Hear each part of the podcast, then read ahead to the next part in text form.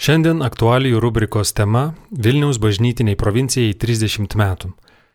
Pirmojoje laidos dalyje girdėsite pokalbį iš Marijos radijos studijos su istorikais Arūnų Streikumi ir Liudu Jovaiša, o antrojoje kardinolo Audriu Juozo Bačkio komentarą įrašytą pas eminenciją svečiuose. Ir šiandien laidoje kalbėsime apie prieš 30 metų įkurtą Vilniaus bažnytinę provinciją. Bus pateiktas istorinis žvilgsnis apie tai, nes Vilnius Marijos radijos studijoje man malonu pristatyti laidos svečius, istorikus, humanitarinių mokslų daktaras Arūnas Streikus ir taip pat humanitarinių mokslų daktaras Liudas Jovaiša. Labą dieną. Sveiki. Labą dieną.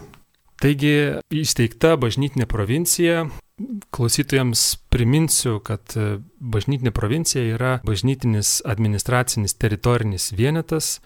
Provincija susidaro iš viskupijų ir 1991 metais gruodžio 24 dieną buvo įsteigta Vilniaus bažnytinė provincija ir kodėl reikėjo įsteigti ją, prieš tai buvo Lietuvos bažnytinė provincija įsteigta prieš 95 metus. Tai visų pirma turbūt reiktų patikslinti, kad Kauno buvo metropolija ir, na, turbūt ta būtinybė kurti ir Vilniaus metropoliją, jinai buvo jau keli dešimtmečiai iš esmės pasikeitus geopolitinėms aplinkybėms, pasikeitus valstybių sienoms, ta buvusi senoji Vilniaus arkiviskupija Vilniaus metropolija įkurta dar 1925 metais, na, jinai nebetitiko tų realijų, bet anksčiau galbūt įspręsti tą klausimą bažnyčios administravimui reikiamų būdų tos pačios geopolitinės realijos ir trukdė, nes Vilniaus arkiviskupija buvo na, suskaldyta į kelias dalis naujų sienų po antro pasaulinio karo. Viena dalis liko Lenkijos teritorija, Lenkijos liaudės Respublikos teritorija, tai yra komunistinės Lenkijos dalyje, viena Sovietų Lietuvos ir viena Sovietų Baltarusijos. Tai tų visų dalių administravimas buvo labai komplikuotas. Ir, na, tos pastangos, tas noras turėti Vilniaus arkiviskupiją, na, tas pakeistas ribas ir Vilnių turėti Lietuvos bažnytinės provincijos ribose jis buvo išsakomas jau sovietmečių ir iš dvasininkijos pusės tų iniciatyvų ir, ir, ir lūkesčių būta ir išeivijos, lietuvių išeivijos buvo vienas iš tokių idėja fix dar sovietmečių, kad popiežius Vilnių prijungtų prie Lietuvos bažnytinės provincijos. Tai visa ta, ta idėja visą laiką buvo 20 amžiaus antroje pusėje, bet būtent Šventasis sostas labai atsargiai žiūrėjo į, į, į tą visą reikalą, nes tai buvo susiję ir su Lietuvos tarptautinio statuso, ir su tos dalies, kuri buvo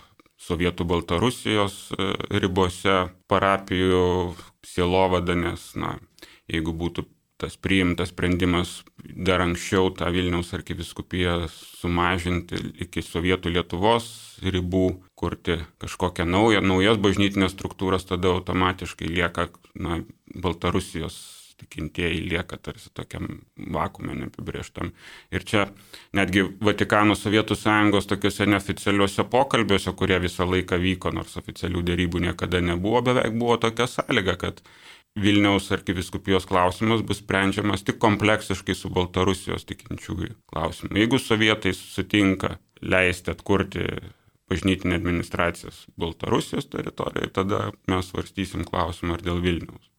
Bet kadangi sovietai to niekada nenorėjo, kad Baltarusijoje būtų sutvarkyta bažnytinė administracija, tai vis tas klausimas visą laiką ir buvo taip pakibęs ore iki pat 1990 metų, iki, iki pokyčių, kuomet jau tie de facto egzistavus sienų pasikeitimai buvo jau tarptautinės teisės mastu įteisinti, susikuriant, atsikūrus Lietuvos nepriklausomybei. Ir suirus Sovietų sąjungai tada net tų, tų kliūčių spręsti senai pribrendusi klausimą tiesiog nebeliko ir, ir tada ir buvo galima jau normaliai įsteigti tą naują metropoliją. 1925 metais įsteigta metropolija, o kokia buvo tikinčiųjų padėtis kai buvo vykdoma selovada dar anksčiau dabartinėje Vilniaus viskupijoje? Na, iš tikrųjų, bažnytinė provincija yra toks aukščiausias administracinis teritorinis darinys. Romos katalikų bažnyčioje metropolitas tiesiogiai gauna popiežiaus pavedimą būti vyresniuoju vyskupu, tas palijaus nešiojimas tą išreiškia. Ir Todėl bažnytinės provincijos buvimas su centru tam tikroje šalyje dažnai buvo susipinęs ir matome ir iki pat e, šių laikų, iki 20-ojo amžiaus su valstybinė politika, su ta sekuliaria politika ir buvo taip pat jos, e, jos svarbi dalis. Taigi čia galim prisiminti, kad jau 15 amžiaus pradžioje iš tikrųjų ta idėja įkurti Lietuvoje e, bažnytinę provinciją savarankišką arba metropoliją buvo iškelta didžiojo kunigaikščio Vytauto, kuris 1418 metais jau laiške popiežiui Martynui V išreiškė tokį lūkestį, kad jeigu, jeigu Dievas laimins jo sumanimą, tai jis turi tvirtą pasiryžimą savo valdomose žemėse tinkamų laikų įkurti ir aprūpinti metropolinę arkiviskupiją.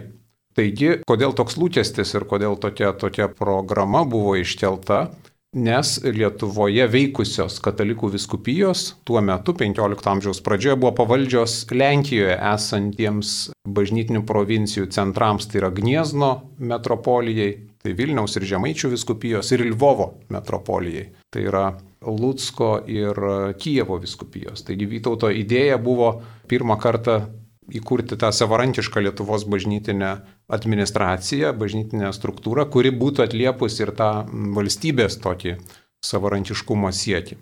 Tai nebuvo realizuota, kaip ir, kaip ir Vytauto ambicija tapti karaliumi. Ir tas klausimas liko Lietuvos bažnytinės administracijos savarankiškumo neišspręstas iki pat 20-ojo amžiaus, nepaisant to, kad bandymų buvo ir 17, ir 18, ir 19 amžiai buvo mėginimų Vilniuje įkurti metropolijos centrą įvairiais laikais, tiek abiejų tautų respublikoje, tiek jau Rusijos imperijai valdant šitas žemės. Tačiau iki pat pirmo pasaulinio karo pabaigos tai tas klausimas liko neišspręstas ir Lietuvos viskupai e, buvo pavaldus arba Gniezno metropolitui iki abiejų tautų respublikos padalinimų, arba Vilniaus ir Žemaitijos viskupai nuo 18 amžiaus pabaigos naujam modeliavo metropolitui Rusijos imperijoje arba Seinų vyskupas Varšuvos metropolitui. Taigi tik tai po pirmo pasaulinio karo atsirado, atsirado sąlygos e, būtent tose lietuviškose žemėse įkurti, įkurti metropoliją. Ir čia problema ir, ir drama buvo ta, kad štai Vilnius, e, Vilnius atsiskyrė, buvo atskirtas nuo pačios e, Lietuvos Respublikos. Tai problema buvo išspręsta tam tikrų mastų, ar, ar ta, ta, ta programa buvo realizuota veikiau tam tikrų mastų, į, į, tik tai įkuriant dvi skirtingas bažnytinės provincijas. Tai yra Lietuvos bažnytinė provincija su centru Kaune 1926 metais ir šiek tiek anksčiau Vilniaus bažnytinė provincija 1925 metais e, kuriai buvo priskirtos dar dvi viskupijos - Lomžos ir Pinsko viskupijos ir kuri buvo įkurta didelė dalimi e, Lenkijos politinės valdžios e, valia, politinės valdžios sprendimu, e, norint pakeisti Vilniaus vyskupą. Tuo metu jo buvo lietuvis Jurgis Matulaitis ir būtent tokia reorganizacija bažnytinės struktūros būtų įgalinusi tai padaryti. Nors Lenkijos viskupai ir, ir pati Vilniaus katedros kapitula ir pats Vilniaus viskupas Jurgis Matulaitis pasisakė už tai, kad nebūtų kuriama metropolija Vilniuje, pakaktų mažesnio metropolijų kiekio, tačiau būtent čia laimėjo na, ta, ne ta Lenkijos viskupų bažnytinė vizija, bet būtent, e, būtent politinis šito klausimo sprendimas. Ir štai e, tam tikrą prasme taip, Vilnius už savo tą bažnytinį aukštesnį rangą yra, turėtų būti dėkingas tam politiniam e, Lenkijos nacionalizmui. Ir Nenorėdamas būti kliūtimi e, Lenkijos politiniai valdžiai, Jurgis Matulaitis atsistatydina 25 metų vasarą iš pareigų ir tampa tada jau popiežiaus vizitatoriumi Lietuvoje, kur jisai jau organizuoja ir kuria tą Lietuvos bažnytinę provinciją. Ir Lietuvoje tas Vilniaus bažnytinės provincijos įkūrimas 25 metais, sutampančio su Lenkijos Respublikos faktinėmis sienomis, išprovokuoja audringą turbūt reakciją. Taip, reakcija iš tikrųjų buvo audringa, nes, na, vis dėlto tas 20-ojo amžiaus pradžios kaip čia pavadinti, turbūt lietuviška katalikybė vis dėlto buvo labai nacionalistiška ir ne, netgi kartais sunku pasakyti, ko ten daugiau buvo nacionalizmo ar katalikybės. Tai iš tikrųjų tas, na, bet turbūt ne tik tai čia katalikų aplinkoje, bet galbūt net labiau toje tokioje sekuliarioje, laicistinėje aplinkoje buvo į, tai, į, į tą žinę apie Vilniaus arkiviskupijos įkūrimą ir, ir jos priklausomybę. Lenkijai buvo sutikta labai priešiškai, labai negatyviai ir sukėlė ne tik tai viešas spausdintinės reakcijas, bet ir protestus prie tuo metu paštalinio delegato rezidencijos Kaune, kuri buvo netgi ir apmėtyta įvairiais daiktais ir galiausiai delegatas tuometinis jezuitas kaip vyskupas Antonijo Cekinį turėjo, nu, net ne tai turėjo, bet tiesiog diplomatiškai išvyko iš Kauno, nes jis kadangi buvo paštalinis delegatas visiems Baltijos kraštams, tai tiesiog išvyko į Rygą, kurio niekas nemėtė kiaušiniais, o sutiko, kad na pagarbiai, nors protestantiškas formaliai liktai dominuojančios litoranybės kraštas buvo. Tai va, tai, bet, na, tos aistros, kaip, kaip ir dažnai būna Lietuvoje, jos būna tokios, nu, trunka kelias dienas ar kelias savaitės, po to nurimsta. Kaip pasikeitė bažnytinis gyvenimas sudarius 1991 metais Vilniaus bažnytinę provinciją? Na gal čia e, tą geriau leistų įsivaizduoti ir pats, e, pats tekstas, bulės, e, kuria buvo įkurta, e, ar neįkurta tiksliau, jo, pertvarkyta Vilniaus, Vilniaus bažnytinė provincija 1991 metais. Ne, tai jau Arūnas minėjo, kad jinai buvo padalinta antrojo pasaulinio karo metais ir štai tos uh, turėjome tokias komplikuotą bažnytinės administracijos padėtį, kai Lietuvos valstybė egzistavo Lietuvos arba Kauno bažnytinė provincija ir gabaliukas Vilniaus bažnytinės provincijos atplaiša. Taigi 91 metais popiežius būtent e, kūčių dieną paskelbė tokią bulę, kurios apytikris turinys būtų toks. Jonas Paulius vyskupas Dievo tarnų tarnas amžinam dalyko atminimui. Įdant nuo šiol būtų galima veiksmingiau pasirūpinti Panevežio ir Kaišėdorių viskupijų, kurios iki šiol buvo Kauna bažnytinės provincijos dalis - Sielovada, nesistebime, kad garbingasis mūsų brolis Vincentas, Šventojios Romos bažnyčios kardinolas Latkevičius, Kauno arkivyskupas, išklausęs Lietuvos viskupų konferencijos, dabar šio šventojo sosto paprašė abi šias viskupijas priskirti Vilniaus provincijai. Todėl mes patys, kuo labiausiai besirūpindami visur gyvenančiais tikinčiaisiais Kristų ir nebejodami, kad pasiūlytas patarimas yra įgyvendintinas, mūsų apaštališkąją gale šiuo raštu nusprendžiame ir paliepiame tai, kas išdėstyta toliau.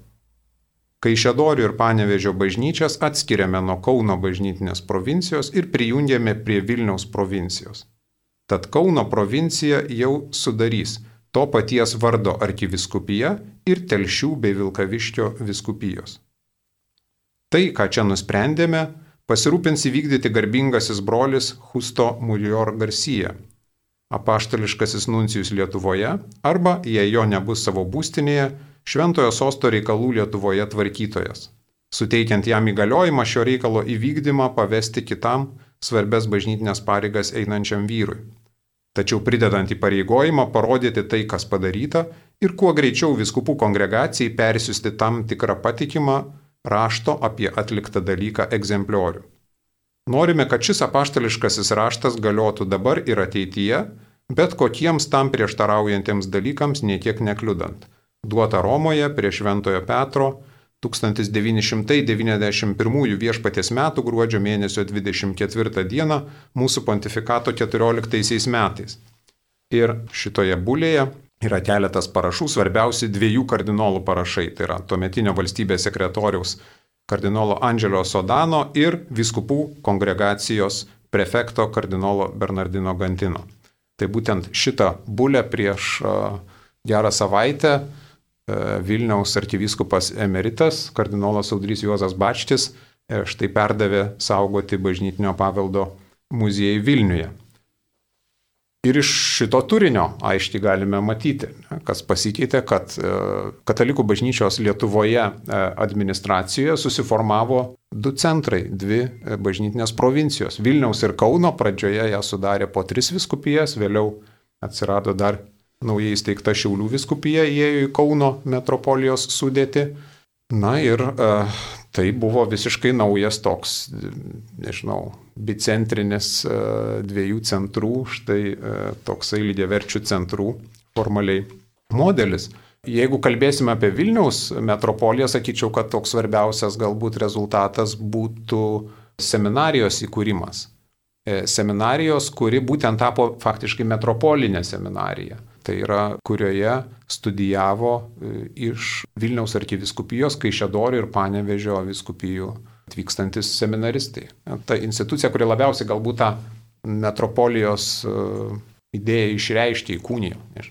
Tai čia gal dar papildant reikėtų pasakyti, kad, na, jeigu kalbant apie jau pačios Vilniaus viskupijos kaip tos metropolijos pagrindinės dalies gyvenimo pasikeitimus, tai turbūt reikėtų vėlgi taip, jeigu istoriškai žvelgiant, tai tas Vilniaus metropolijos sukūrimas padėjo spręsti kai kurias anksčiau buvusios problemas, tai e, visų pirma tą tokį šiokį tokį susiskaldimą viskupijoje buvusi tarp lenkakalbės ir lietuvė kalbės tikinčiųjų ir dvasininkijos dalies, nes tos na, tarsi egzistavo tokios, nors jau į sovietmečio pabaigą tie kažkokie skirtumai ir įtampos šiek tiek atlėgo ir skirtumai išsilygino, bet e, vis dėlto tos nu, savotiškos frakcijos vis dėlto buvo lenkiška, lietuviška frakcija Vilniaus viskupijoje. Ir kadangi vis dėlto lenkakalbiai vietos dvasininkai palaikė ryšius, aktyviai palaikė ryšius su Lenkijos kleru, su Lenkijos viskupais, juolab, kad e, tarptų viskupų buvo pora išeivių iš Vilnijos, Virotslavo viskupas Henrikas Gulbinovičius ir Sandomyro viskupas Edvardas Materskis.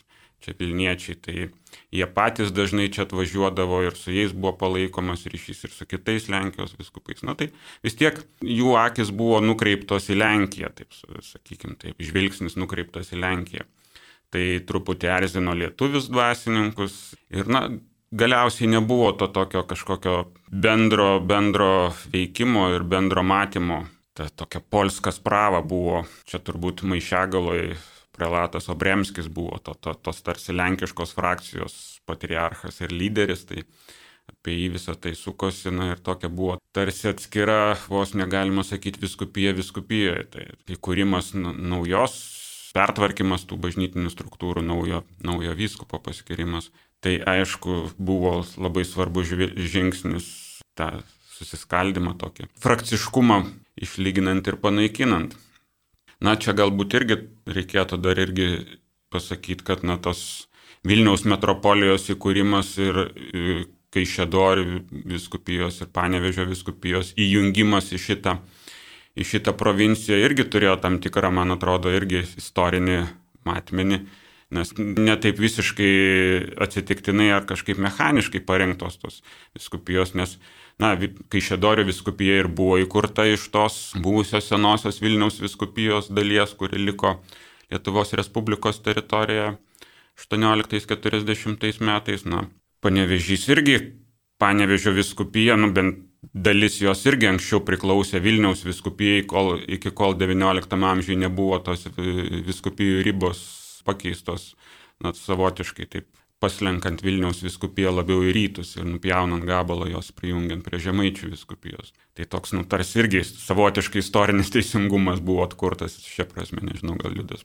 patikslina dar. Tai aš dar va, gal grįžčiau prie to dviejų centrų gal to atsiradimo. Tai tradiciškai vėl e, katalikų bažnyčioje Lietuvoje mes vat, lietuviškoje būtent visuomenėje tai turėjom tą Kauną nuo 26 metų kaip tokią aiškę, aiškę bažnytinę sostinę, bažnytinį centrą, ne tik nepriklausomos Lietuvos laikais, bet ir per visą sovietmetį. Tai čia būtent šitas pertvarkymas Vilniaus, Vilniaus metropolijos sudarė sąlygas atsirasti antram tokiam, nu, lygiaverčiam ar alternatyviam e, bažnytiniam centrui šalia Kauno ir tam tikrai vėl konkurencijai ir įtampai tarptų dviejų centrų, kuri turėjo turbūt ir teigiamų, ir, ir neigiamų pusių. Tai vis tiek e, skatino tam tikrą, tam tikrą pozityvų varžymasi, naujų iniciatyvų radimasi galvojama, kaip, kaip, kaip galbūt būtų galima padaryti kitaip, ką dar, dar sugalvoti.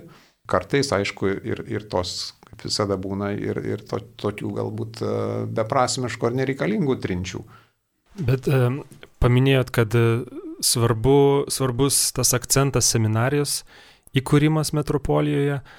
Kaip dar reiškia tas metropolijų provincijų atskir, atskirtumas, nes taip liktai žiūrint, Lietuvos viskupų konferencija kartu renkasi, liktai nesimato čia skirties tarp provincijų. Ir daugiau taip vis tik žmonės skiria atskiras viskupijas, o kad dvi provincijos gal net ir nelabai pastebi, tai kas dar išskiria? Seminariją, Kauno Vilnius, bet dar yra ir telšių, ar, ar dar kažkokie metropolijai, metropolijos viskupijas jungiantis dariniai ir organai yra ir išskiria, kad tai yra būtent provincija atskira?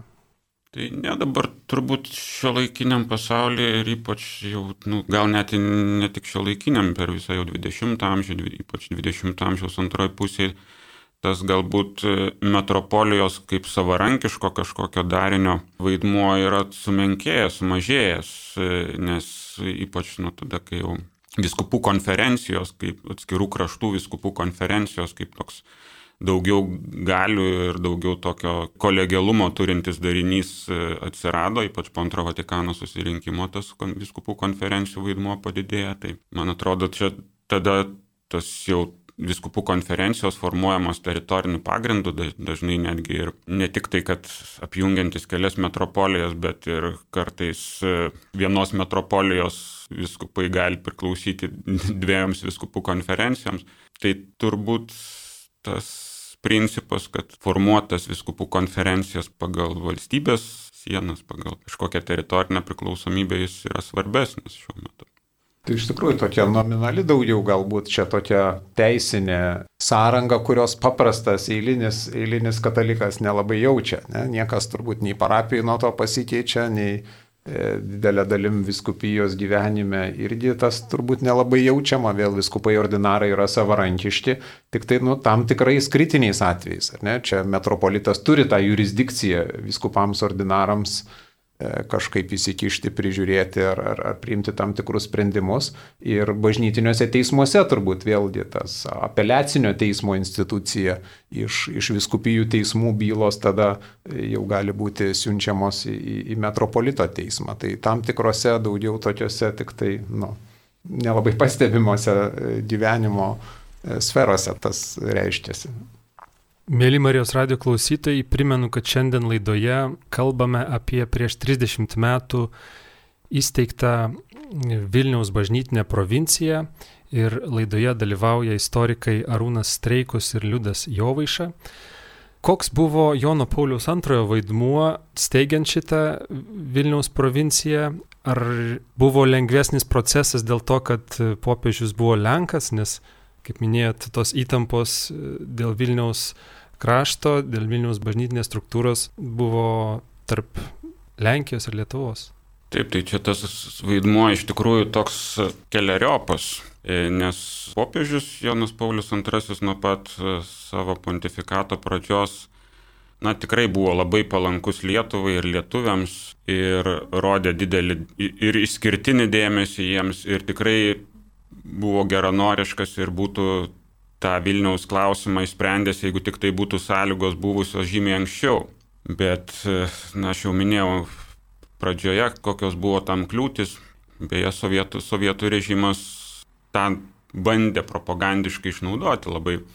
Ir, ir iš dalies sėkmingai netgi, nes ne tik tai išeivijoje, ne tik tai tarp Lietuvos tikinčiųjų, bet ir Lietuvos dvasininkų būta nesupratimo ir gal nenoros suprasti ar peržengti tuos kažkokius tai tokius nacionalistinius stereotipus ir tas įsisenėjusias kažkokias nuoskaudas santykiuose su Lenkais ir Lenkų dvasininkija. Ir tas vad būtent dėlsimas e, ir atidėliojimas to klausimo sprendimo, kuris buvo keliamas nu, ypač aktyviai nuo, nuo pat Jono Pauliaus antrojo pontifikato pradžios, na, sukėlė tikrai bent jau tarp Lietuvos dvasininkų, kai kurių tokios ne, ne, ne visai palankes reakcijas. ir tokį nusivylimą netgi galbūt e, dalinį, kad, va, čia žiūrėkit, popiežius Lenkas, dėl to jis ir nesprendžia šitos problemos, nes atstovauja Lenkų interesus ir čia mes niekada nesulauksim, nesulauksim Vilniaus bažnytinė prasme gražinimo Lietuvai. Tai ir čia buvo vienas iš sovietų režimo tokių gerai, gerai apskaičiuotų žaidimų, nes na, žinojo, kad bet kokiu atveju jie bus laimėtojai. Ar ir tuo, ir tuo atveju, jeigu būtų tas klausimas sprendžiamas bažnytinės administracijos priderinimas prie egzistuojančių Sovietų sąjungos sienų, tai tada valio jiems. Būtų tarsi toks bent moralinis pripažinimas, kad e, Sovietų sąjungos ir Lietuvos okupacijos fakto Jeigu ne, tada galima propagandiškai išnaudoti, toliau priešinant, gilinant tas įtampas tarp Lenkų ir Lietuvių, rodant pirštų baksnuojant į popiežių Lenką, kuris lietuviams neva tai nepalankus ir nesprendžia problemų jų taip, kaip jie nori. Tai visas tas žaidimas ir truko iki, iki, iki 90 metų, kai geopolitinės kliūtis išnyko. Tai jau įrodo, kad praktiškai vat, praėjus vos keliams mėnesiams po pučio, kai Maskvoje, kai jau tas tarptautinis Lietuvos pripažinimas pajudėjo, tai tada ir, ir buvo iškart įspręstas ir tas klausimas. Dar čia galim e, turbūt pažiūrėti tą klausimą ne vien iš lietuviškos perspektyvos. Tai tos arkiviskupijos e, dalis e, liko ir kitose valstybėse. Tai lygiai taip pat nežinau, ar, ar, ar balstodėje, balstodės e, kunigai buvo patenkinti tuo, kad irgi priklauso Vilniaus, Vilniaus arkiviskupijai nėra savarankiškos e, vieningos, e, vieningos struktūros. Tai tie sprendimai 91 metų pabaigoje, jie normalizavo ne vien, ne vien Lietuvos reikalus, bet ir bažnytinė administracija, jos antvarka, taip pat ir Lenkijoje bei Baltarusijoje. Tai buvo įkuriant naujas, naujas viskupijas Lenkijoje, Balstodės arkiviskupija, kuri de facto Balstodė buvo tas Vilniaus arkiviskupijos dalies Lenkijoje centras. E, Elko viskupija, e, Baltarusijoje turbūt ta pagrindinė teritorija iš jo suformuota Gardino viskupija. Tai, tai būtent e, na, tas pripažinimas sienų ne vien Lietuvos, bet taip pat, taip pat Baltarusijos ir taip pat Lenkijos. Ir laidai baigiantis įdomu būtų paklausti, Kaip bendrame bažnytinės struktūros ir teritorinio suskirstimo kontekste atrodo dvi metropolijos e, Lietuvoje? Ar tai yra normalu tokio dydžio teritorijoje kaip Lietuva turėti dvi metropolijas, ar vis tik tai yra jos tokios smulkios? Kaip bendrai atrodo su kitų kraštų panašiomis struktūromis palyginus? Turbūt čia toks, na, trijų, iš trijų viskupijų metropolija, tai yra toks gan, nu, nu, nežinau, aš gal ir per drąsiai sakyčiau, bet toks, nu, kaip ir standartas beveik. Tai gal galima sakyti, kad ta ankstesnė Kauno metropolija buvo, buvo šiek, tiek, šiek tiek didoka, nes nu, buvo tokios, tokios vėlgi geopolitinės sąlygos. Ir tokia situacija, tai jau toj Kauno Lietuvoje, pirmoje Lietuvos Respublikoje steigti dvi metropolijas turbūt jau būtų tikrai per daug. O dabar, kai ta teritorija valstybės padidėjo ir įsiplėtė, tai man atrodo čia. Nu, iš dalies tai turbūt yra va, tos e, skirtingos istorinės raidos rezultatas, tos tų dviejų metropolijų buvimas Lietuvoje. Ir čia galim prisiminti, kad pirmoji Vilniaus metropolija tarpu karių kurta į lygiai taip pat susidėjo irgi iš trijų viskupijų, kaip ir, kaip ir dabar. Tik tai skirtumas žinoma tas, kad teritorijos prasme ir, ir, ir katalikų skaičiaus prasme tai buvo gerokai, gerokai didesnės, didesnė teritorija nei dabar. Bet jeigu skaičiuotume formaliai viskupijas, tai, tai būtų lygiai, lygiai taip pat trys viskupijos. Ačiū Jums labai, gerbiami Arūnai ir Liudai, už dalyvavimą šioje laidoje ir atskleidimą to istorinio žvilgsnio rakurso apie prieš 30 metų įkurtą Vilniaus bažnytinę provincija. Mėly Marijos radio klausytojai, laidoje dalyvavo istorikai, humanitarinių mokslų daktarai Arūnas Treikus, Liudas Jovaiša. Su jumis Marijos radijas. Toliau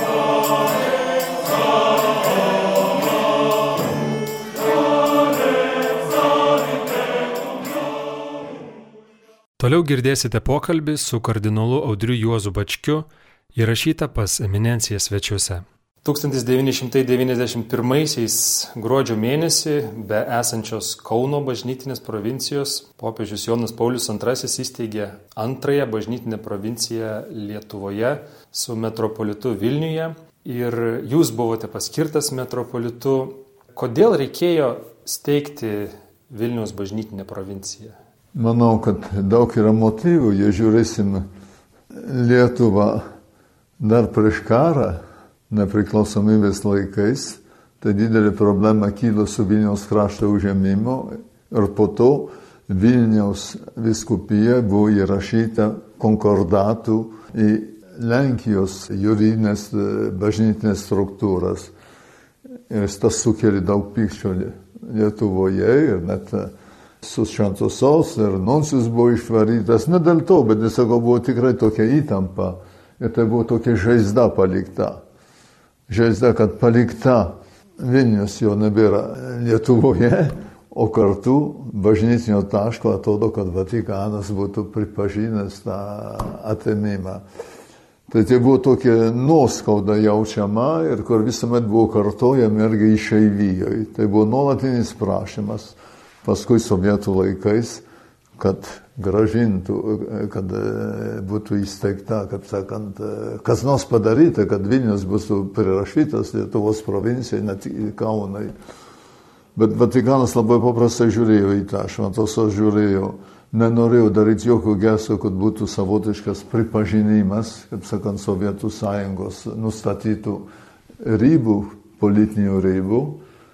Jis sako, pripažindami tada Vilnius būtų pripažinę irgi, kad čia kas tvarko e, Lietuvą, tai sovietai, o ne kas kita. Tai šventas sosas nenorėjo daryti tokio žydžio dėl politinių pasakų. O iš kitos pusės labai rūpėjo, kad e, būtų biskupas Vilniuje ir galėtų tikrai vadovauti bažnyčiai. O žinot, kaip Sensas Sostas, kaip e, po užėmimo, sovietų užėmimo, kai Steponavičius buvo pašalintas, tai nebebuvo kas valdyti, ką pašalinė administratoriui. Ir tas rūpėjo šventam sosui, ypatingai Jonai Pauliui II. Jis norėjo padaryti gestą, bet tai buvo tas politiniai motyvai, kad nebūtų interpretuojama kaip pripažinimas. Iš kitos pusės jam rūpėjo, kad būtų bažnytiniai silovadinai aprūpinta ir viską daro, kad galima būtų gražinti arkivyskupas Steponavičių, bet čia buvo sakyčiau, sovietų valdžiaus e, kulto įgaliotinio visiškas pasipriešimas ir ne. Tai reikėjo laukti nepriklausomybės, tą gestą padaryti. Ir tai labai gražus gestas pirmą Lietuvai. Lietuvos sostinė vis tiek turi būti irgi e, bažnytinio gyvenimo centras, čia yra sostinė, tik daug žmonių čia gyvena pagerbant taip pat Kauną, nesunaikinant kas būna, ta idėja kilo, tada sukelt provinciją su Panardžiu, su Kaišėdoriu, tai bus pripažinimas ir mūsų sostinės, ir kaip po bažnytinio centro svarbaus, o kartu būtų deramai aprūpinta visa silovada, nes vis tiek buvo tokia, sakyčiau, apleista biskupija be 40 metų be viskupo administratorius neturi te galios, neturi autoriteto, negali viską padaryti. Tai aš manau, kad čia buvo gražus gestas, kur padarė labai išsilovinimo tokio susirūpinimo popiežius, šventasis popiežius Jonas Paulius II. Tokiu būdu, sakyčiau, skleidė visus tos tokius e, įspūdžius, kad čia šventoj sostai nerūpi Vilnius, kad, e, kad čia nori, kad e, Lenkas popiežius laiko Vilnių dar lenkiškų, ne, ne. Jis tikrai norėjo. Ir, bet aš priminsiu vieną dalyką, 83 metais, kai buvo nuvažiavę pirmą kartą viskupai Lietuvos, viskupą Adliminą, tai reiškia aplankyti popiežių, buvo taip pat kartu pakviesas ir Vilnius apaštalinis administratorius, tai faktinai kviesdama jį buvo pripažinta, kad čia yra vienas, tas visi kartu dirba, kad visa viskupa, Lietuvos viskupai ir Vilnius administratoriai yra vienas kūnas ir vienas bažnytinė provincija. Aš manau, kad čia buvo pobūdžios atsakymas ir laikų padarytas, kai jau Lietuva buvo laisva, sutvarkytas galutinė reikalas, tampa metropolija, pagerbta Lietuvos bažnyčia ir Vilniaus sostinė pagerbta tokiu būdu, kaip centras ir religinis centras. Vis tiek Vilniuje tik daug buvo dalykų, prisiminkim, čia buvo vis tiek dar nuo senų laikų ir seminarija, ir universitetas jėzuitų, tai buvo didelis vis tiek krikščioniškas centras. Tai kiek vienuolių čia, žiūrėkit, bažnyčios Vilniuje. Ar galima buvo tą palikti nuo šalia? Ir dabar sakau, niekas nesakys, kad Vilnius yra lenkiškas. Visi pripažįsta, kad čia yra Lietuvos ir sostinė, ir bažnyčia taip pat yra pilnai įsijungusi visą bažnyčią, Lietuvos bažnyčią Tai sakau, aš tik džiaugiuosi, kas buvo padaryta. Man buvo, aš dirbau Vatikanais laikais, buvo skaudu matyti, tai visi priekaišai nuolatiniai popiežiai.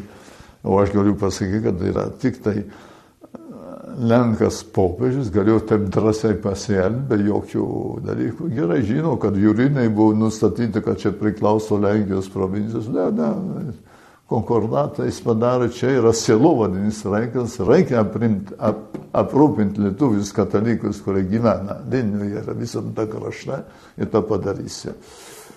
Aš dar pridėsiu vieną dalyką, kad popiežiui irgi rūpėjo, kaip sovietų laikais, nedaryti jokio gesto dalyko, kad tada daug lietuvių kunigų aprūpindavo sielovadės ir Baltarusiją ir galėdavo laisvai tą sieną pereiti, nuvažiuoti į Baltarusiją, daug parapijų yra ant pasienio iš vienos pusės, bažnyčia iš kitos pusės, kai kapinas yra tokia padėtis.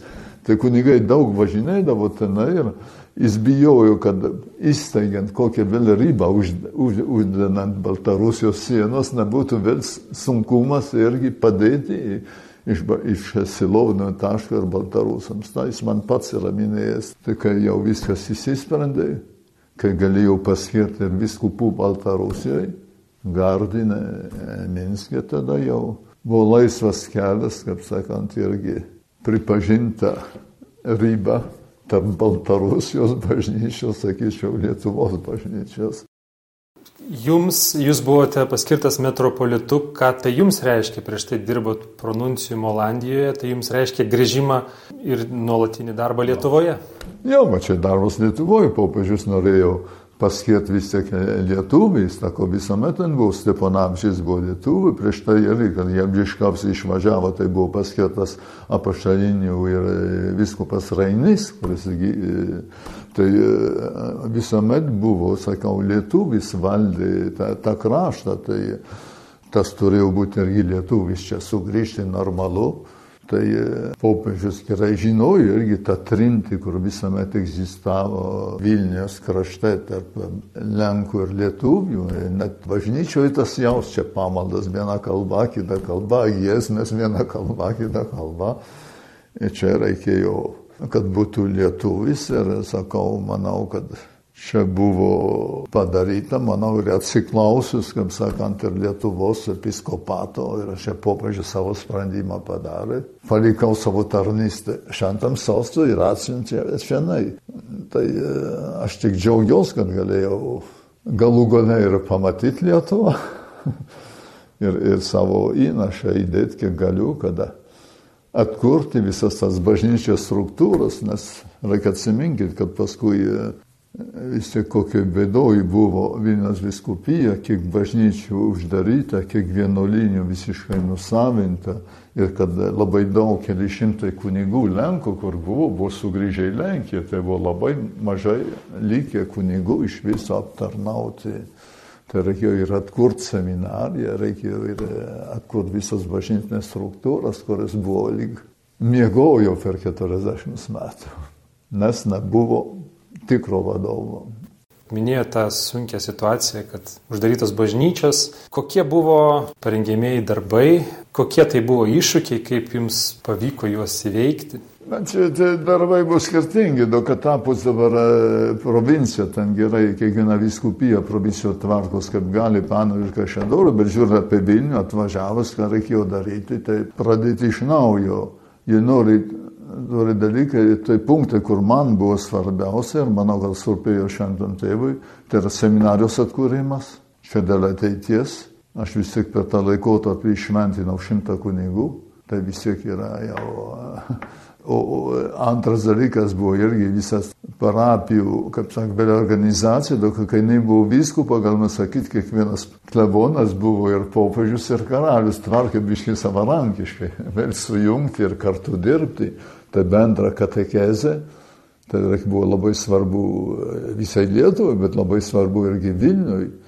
Ir tada bandžiau paruošti tinkamų katechetų, tai buvo įkurta tada pedagoginio tų laikų universitetą tikybos katedra, kur buvo, būdavo ruoždami tikybos mokytojai ir katechetai, kurie turėtų irgi leidimą pedagoginiai paruošimą eiti į mokyklas ir dėstyti religiją. Tai buvo vienas iš svarbių punktų, o paskui visas struktūras bažnyčios, kad tai būtų ar karitas, ar tai būtų šeimos centrai, jaunimo centrai, ten visą tai reikėjo, kaip sakant, suorganizuoti, kad buvo viskas palikta, čia buvo priverstinė padėtis kiekvieno kunigo iniciatyva. Jie nori dirbti kartu, vadovėlį paspausinti reikia visai viskupijai. Jie turėtų kateketų, kad jie turėtų maždaug bendrą gerą įsilavinimą toje srityje. Ir kitas dalykas, aš pasistengiau, kiek ten išėjau, neišėjau, irgi siūs kuo daugiausia žmonių į užsienį, kad, kaip sakant, mūsų bažnyčia taptų universaliai. Ir galim džiaugtis, kad kai kurie ir pasauliečiai, kurie studijavo užsienį, čia sugrįžo į savo įnašą, įdėjo į gyvenimą. Tai tikrai Vienu žodžiu, sakau, tos skriptis buvo svarbiausia, manau, tą suorganizuoti vėl parapijas, bet tas selovada ir e, ką. O visą tą daro vienybėje tada, kai buvo jau dvi provincijos, bet svarbiausia tai yra viskubų konferencija, kur visus sujungė, mes visi dirbom kartu. Ir čia tos programas nebebuvo ar vien tik Kauna, ar vieno Vilnius bandyti viską sudėti kartu. Tai čia tai buvo savotiškas, sakyčiau, sutvarkymas bažnyčios gyvenimą, bandymą pagal Vatikano antro susirinkimo viskas nuorodos, kur ypatingai turėtų būtų duodama didesnė vieta pasauliečiams, kaip sakant, pasireišti bažnyčios gyvenime, imti iniciatyvos visose srityse.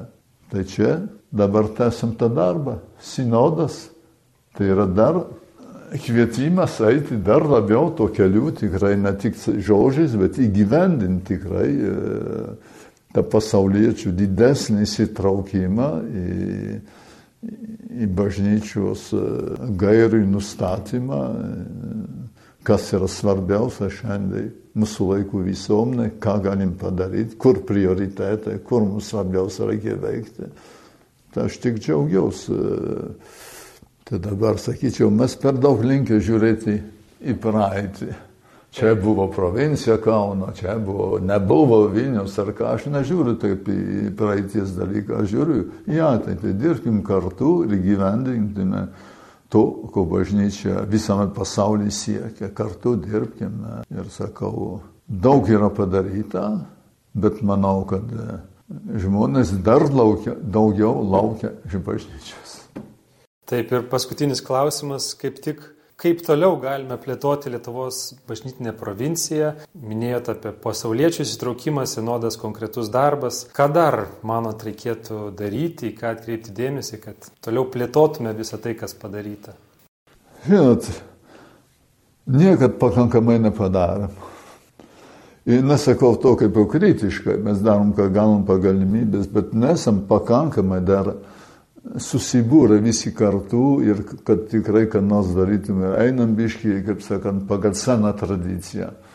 Ką popiežius yra pasakęs, kalbant apie sinodą, yra pavojus, kaip sakant, kad būtų tik formalus dalykas, lygiai kaip yra pavojus, nieko nedaryti, a, viskas kaip senovė, eikime, čia atlaidus, čia mūsų būdas gyventi panašiai. Ne. Šiandien reikia naujo žvilgsnio. Visuomenė pasikeitė, žmonės pasikeitė bažnyčia turi ras būdą prie jų prieiti. Aš manau, kad yra to, tą, ką vadina klerikalizmą, kurio to kalbama, ką tai reiškia. Kada įpratę. Čia viskupai turi pasisakyti, čia klebonas duoda įsakymą ir to baigės. Ne. Reikia, kad parapijos tarybos būtų tikrai galėtų pasakyti savo žodį, ne tik būtų ant popieriaus darytų. Ekonominiai reikalai, kad parapijos tarybos tvarkytų ekonominius reikalus. Žinoma, juridinis atsaky, atsakomybė yra klebonai, bet jie visi yra, gali būti specialistai ir finansų, ekonominių dalykų, ir patarti, ir daryti, ir spręsti, turėti balsą. So, visi dalykai nėra įgyvendinti, mes turime eiti pirmin, kad didesnis būtų kad kiekvienas katalikas ras, jausus atsakomingas už bažnyčios gyvenimą. O dabar įpratę. Tegul viskupai pasako, tegul viskupai padaro, o paskui jos kritikuoja, nekritikuoja, priima, nepriima, ko jie čia kišasi į politiką, pradeda sakyti panašiai. Ne. Mūsų netaparai, bažnyčia yra, yra gyvas kūnas, kur kiekvienas turi savo atsakomybę, kiekvienas turi savo įnašą įnešti. Čia mes turim dar didelį žingsnį į priekį daryti. Ir aš turiu vilčių, kad yra, matau, yra jaunų žmonių, kurie užsidegė, nori ką nors daryti, bet kartais e, nejaukiai jausias bažnyčioje, daug ką. E, niekas neklauso jų nuomonės, niekas neprašo jų pagalbos. Jie norėtų savanoriauti, bet kartais nežino, kur eiti ar ką nors daryti kartu. Tai aš manau, kad reikia bažnyčiai ypatingai žiūrėti į ją. O man pagrindinis dalykas, aš be to užaugęs, sakyčiau, šalia Jono Pauliaus antrojo, ten dirbęs 14 metų šalia jo, būdama Vatikane 9 metus, tikrai konkrečiai dirbęs ir ką, jis yra kaip po iššūkį palikęs, pradedant trečiąjį tūkstantmetį, kad bažnyčia turi eiti gailestingumo keliu po galestingumo vėliavas. Ir čia, manau, yra svarbiausias dalykas. Čia nėra klausimas tik galestingumo paveikslo, bet aš tikrai, tai buvo kova, kad jį įvesti buvo tam, kad tikrai priminti, kad tas galestingumas yra svarbus, bet bažnyčia turi eiti galestingumo keliu, tai reiškia galestingumo darbai. Neužtenka sakyti, mylėk savo artimą, Reikia, kad bažnyčia, kiekviena viskupija, kiekviena parapija parodyti, mes mylim savo artimą. Mes turim žmonių, kurie, kurie dabar kenčia, mes jų rūpinams, mes jų ieškom, mes juos matom. Karitas tą daro, bet karitas nereiškia grupelė žmonių. Visa parapija turėtų būti susirūpinęs, kad parapijos karitas visą praeitį. Visa parapija susirūpinęs, kad mūsų pabėgėliai, kur e, šiandien yra, kad ir galėtumėm jiems padėti. Daug ką negalim, nes yra juridiniai, politiniai saugumo reikalai, bet vis tiek žmogiškai.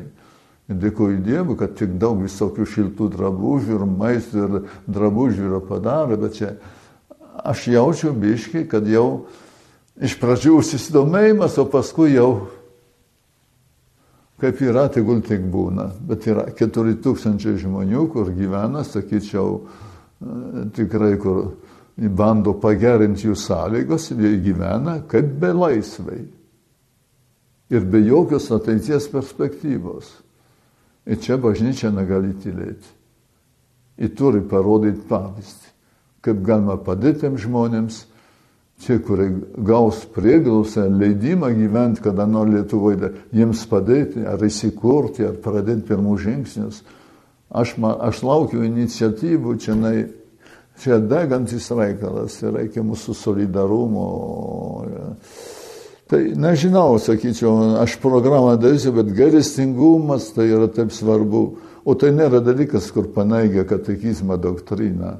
Aš visuomet atsimenu popiežių Benediktą, kuris tikrai yra ir teologas, ir tikrai kultūros žmogus, ir ką, kuris mums sakydavo, tu tiesos neįrodysi kitam žmogui. Tiesa pati save legitimaus įsiteisina. Ir pats žmogus turi atrasti tiesą pagal ją gyventi. Neprimesi tiesos savo kitiems. Neprimesi nei katekizmo, jei žmogus nenori jo priimti, čia pagal sąžinės. Jis sako, bet kokį, kitas būdas, kur gali žmogui padėti atrasti tiesą, tai gailestingumas. Nes jei mūsų kiekvienas katalikas bus gailestingas, parodys artimo meilį kiekvienam žingsniui, tas patrauks žmonės prie bažnyčių. Žiūrėk, kaip jie mylisi. Jie tikrai gyvena pagal Evangeliją Ir čia yra, būtų geriausias prieimas prie tikėjimo. Ne primena tik tai tikėjimo tiesas, bet parodyti, kad mes jomis gyvename. O, ka, o koks yra pagrindinis mūsų įstatymas, jie nemylėti artimą, Dievą ratą. Tai aš sakau, ta, aš linkiu, kad mūsų bažnyčia kartais, sakyčiau, pabūsų iš tam tikros anestezijos ir eitų tokio drąsaus, išradingos meilės, gailestingumo keliu. Ačiū Jums labai, kardinolė. Mėly Marijos radio klausytojai, laidoje girdėjote kardinolą Audrį Jozą Bačkį, buvome pas jį svečiuose